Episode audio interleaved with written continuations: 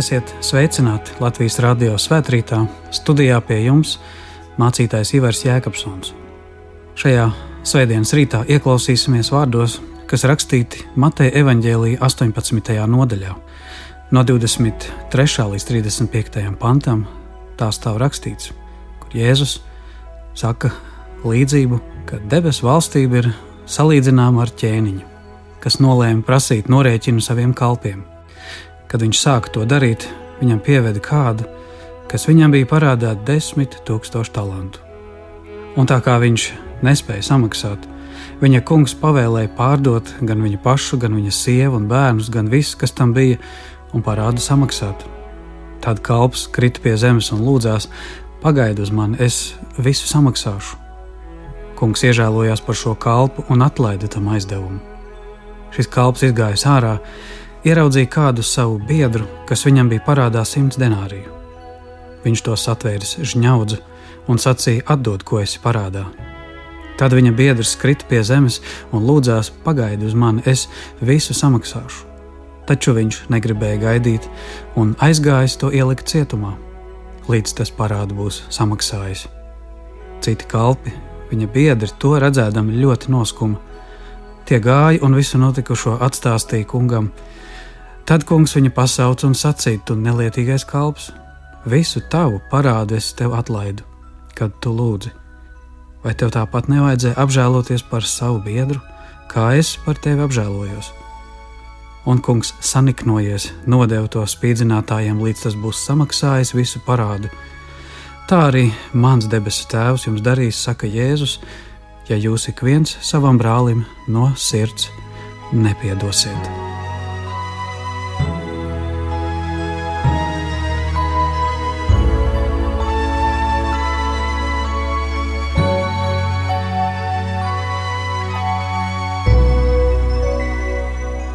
Mēs lūdzam Tevi, Kungs, svētī mūs šī Tava vārda patiesībā. Āmen!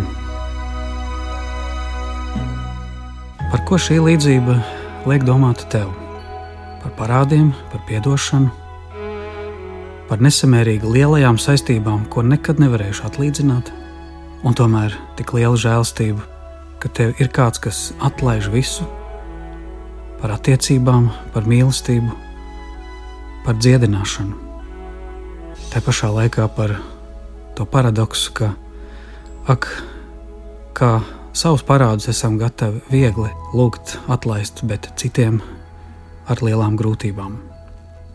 Ja mēs lasām mazliet iepriekš šajā Mateja Vāģēlī 18. nodaļā, šis stāsts iesākas ar jautājumu, cik reizi man būs piedot savam brālim, kas grēko pret mani, sacīja Pēters, vai pietiek septiņu reižu, Tad Jēzus toreiz atbild 70 reizes 7, kas patiesībā nav juridisks vai matemātisks lielums, bet kvalitatīvs lielums, jeb gatavība uz nemitīgu piedošanu, pieņemšanu un mīlestību attiecībās. Piedodiet no sirds, un ja jūs cit citam no sirds nepiedosiet, debes Tēvs tā jums darīs. Tā brīdina šī līdzība. Un šis pamudinājums no sirds no sirds ir lielākais iespējams izaicinājums, un brīnums, un dāvana un svētība, kas ar tevi var notikt, piedot no sirds. Tas tiešām atnes gan veselību, gan mieru, gan mūžīgās dzīvības cerību. Lai to ilustrētu, Jēzus stāsta šo līdzību par nepiedodošo nelietīgo kalpu, kuram atlaida desmit tūkstošu talantu, kas ir apmēram kā speciālisti rēķina, apmēram 12 gadu ieņēmumi tā laika Heroda valstī, kas ir apmēram pusmiljons reižu, nevis 70 reizes 7 reižu lielāks parāds nekā tas, ko viņš nebija gatavs atlaist. Tie simti denāriji, kas ir tikai kādi trīs mēnešu strādnieka alga, salīdzinot ar 12 gadu valsts budžetu. Tas viss pasaka patiesībā, cik ļoti Dievs mūs mīl, un cik patiesībā bezgalīgi daudz Viņš mums piedod, un ka patiesībā nonākot šajā galējā izvērtējumā par savu dzīvi, kopš Ādama laika līdz mūsu dzīves stāstam, katru dienu izvērtējot, mēs esam nesamērīgi daudz parādā ar labo, ko neesam darījuši, un ar slikto, ko esam darījuši. Tas pasaka, ka ne jau Dievs aizslēdz mums debesis, bet ka mēs paši ar savu neatgriešanos un arī nepiedošanu citiem. Jā, piedošana ir lielais, izaicinošais solis, ko Dievs spēr mums pretī ar savu dēlu Jēzu, kas nomirst pie krusta. Tā viņš īsteno gan taisnību, kas samaksā par tevi ar dzīvību par dzīvību, kur par grēku algu esi pelnījis nāvi un sodu tagad un mūžībā. Tagad mums vairs nav jābīstas, Dievs ir dāvājis visu.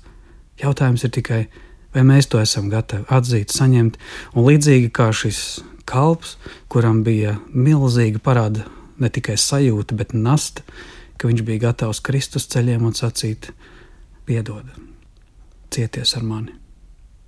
Un kungs zina, ka šis parāds ir nesamērīgi liels, tādēļ viņam ir žēl, jo viņš tik ļoti mūs mīl un ir gatavs piedot.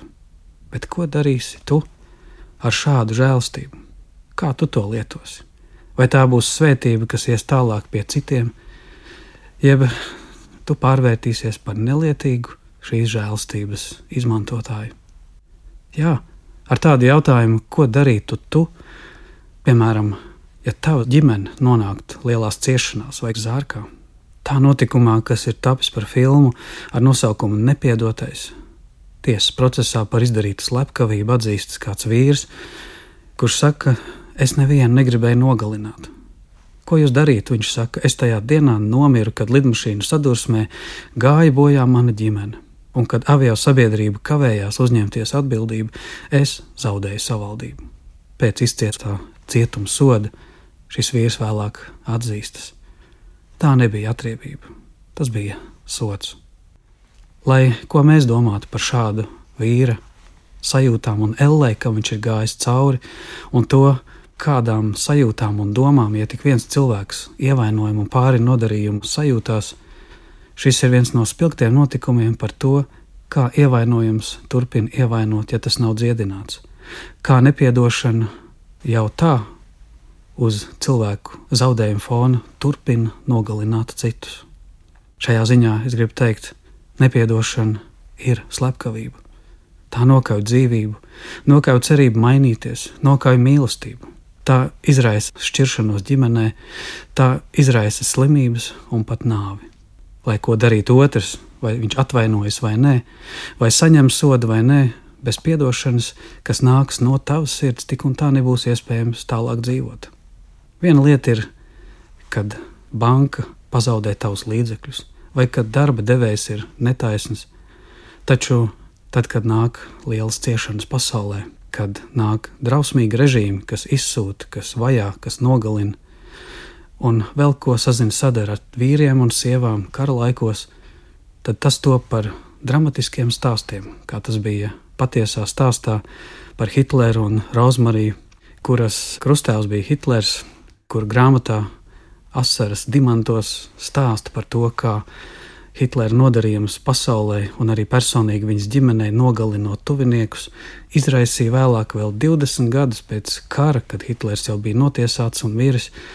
Viņai tās bija ciešana laiks arī gadiem pēc sirds slimība, kas vainagojās ar infarktiem, pirmais, otrais, trešais, un tikai tad, kad viņa pati nonāca uz savas dzīvības un nāves robežas, viņas sarunā ar garīgo personālu nolāca pie jautājuma, ka ir kaut kas jādara ar šo pagātni. Tā ir kaut kur jānoliek, jāatlaiž, jādziedina, jāpiedod.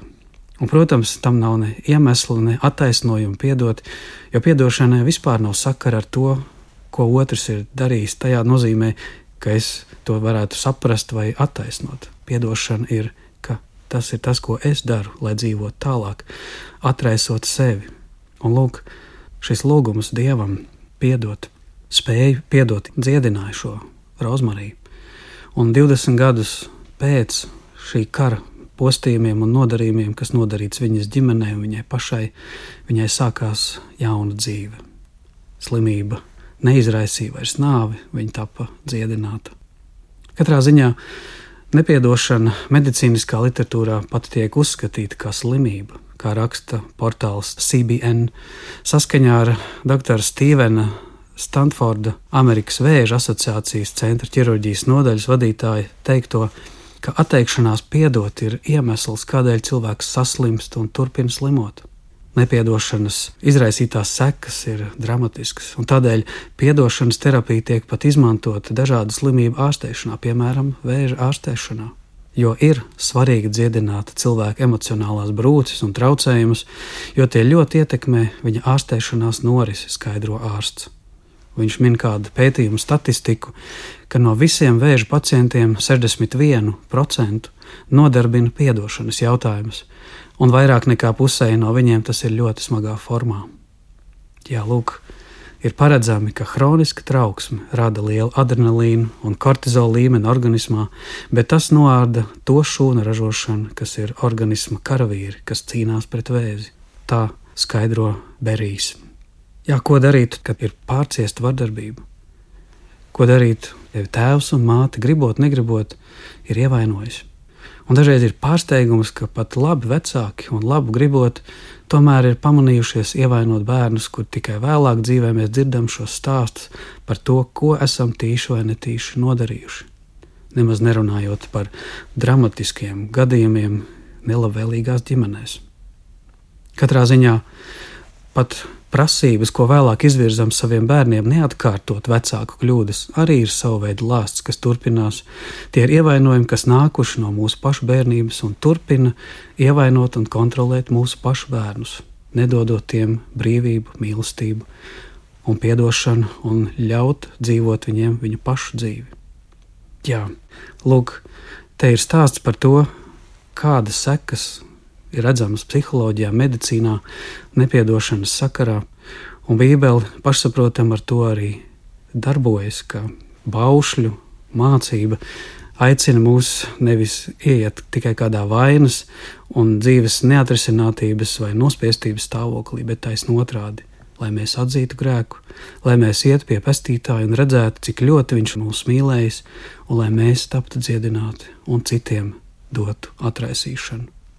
Jā, vai tā būtu liela lieta vai maza lieta, ko kādreiz kāds mums izdara, bet ar laiku saprotam, ja neesam piedevuši, sāk parādīties rūkums un attiecībās ienāk inde, un kas saindē nevis otru, kurš turpina dzīvot pats nezinādams, ko nodarījis, bet tas indē tevi pašu. Jā, ko tu darītu? Un ko tu darīsi ar saviem dzīves ievainojumiem? Vai turpināsi nest vainu apvainošanos un dusmas pret savu tuvāko, pat pret sevi pašu un Dievu. Jā, šeit ir svarīgi ieraudzīt, ka arī atdošana, ko saņemam no Dieva, arī mums pašiem ir jāieraug kā tādu iespēju pašiem iet arī pāri savām kļūdām. Jo ļoti bieži cilvēki dzīvo šajā smaguma sajūtā un rūkumā arī pret sevi, nespējot pieņemt arī savu pagātni. Katrā ziņā Piedošana nozīmē pieņemt to, ka es redzu to, ka mana pagātne varēja būt savādāka nekā es to būtu gribējis. Piedošana atbrīvo otru un dod otram iespēju. Piedošana ir mans personīgais solis un lēmums. Tam ir maz sakara ar to, ko otrs ar to darīs, bet tam ir sakars ar manu ticību, cerību, veselību, ar manām attiecībām ar Dievu un tuvāko, kas kā Jēzus rāda ir mīlestība, kas mirst pie krusta, kā apustulis teica, kas tic, cer, panes, piedod un nekad nebeidzas. Noslēgumā gribu tikai sacīt, ka reiz kādā ziemas dienā, kad pats jutos pavisam saaugstējies, ejot pāri kādai gājēji pārējai, man pie lielveikala durvīm uztaurēja kāda automašīna, lai tā es nečamājos. Un tajā brīdī es iekšā sajūtu tādu kā molsumu un dusmas, nu, ko viņš man brauc virsū.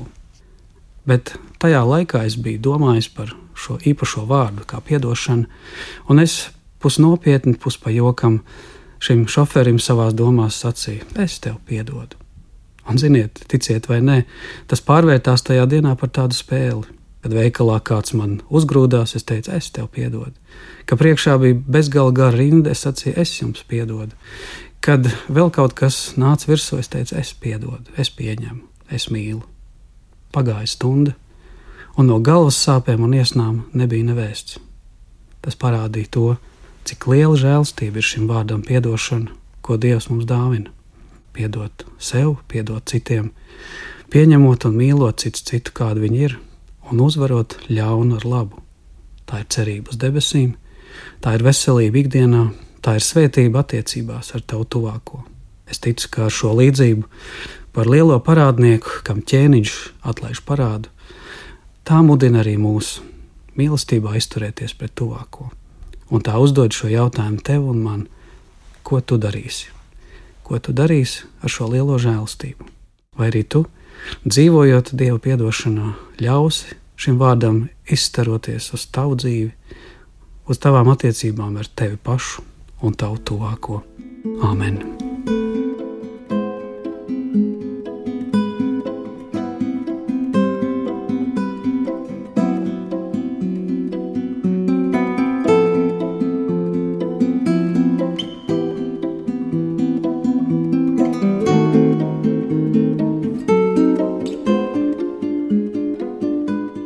Lūksim Dievu. Mīļais debes Tēvs, mēs sakām Tev paldies par katru dienu. Katra diena ir Tava žēlstības dāvana. Mēs sakām paldies, ka pat tur, kur pasaule ir ienesusi ciešanas, nāvi, netaisnību, vardarbību un dažādu veidu ļaunumu un ievainojumus cits citam, ka Tava mīlestība nebeidzas. Kā tā turpina mūs aicināt nākt gaismā, lai arī mēs tajā dzīvotu un būtu citiem par gaismu saņēmuši atdošanu un dziedināšanu, arī citiem to dāvātu caur Jēzu Kristu. Svētī ar šo žēlstību mūsu visu zemi un tautu un ar šo pasauli. Svētī arī šo krīzes laiku, kad vīrusu infekcija atkal pastiprina savu darbību, kā mēs varētu raudzīties uz to ar mīlestības un atdošanas acīm, pieņemot pārmaiņas un redzot, ka arī tajā tava svētība vēl ir palikusi, ja kungs. Palīdz arī mums! Mīlēt un piedot ikdienā, un tā atvērt durvis debesu valstībai mūsu dzīvē tagad un tur mūžības godībā caur Jēzu Kristu. Āmen!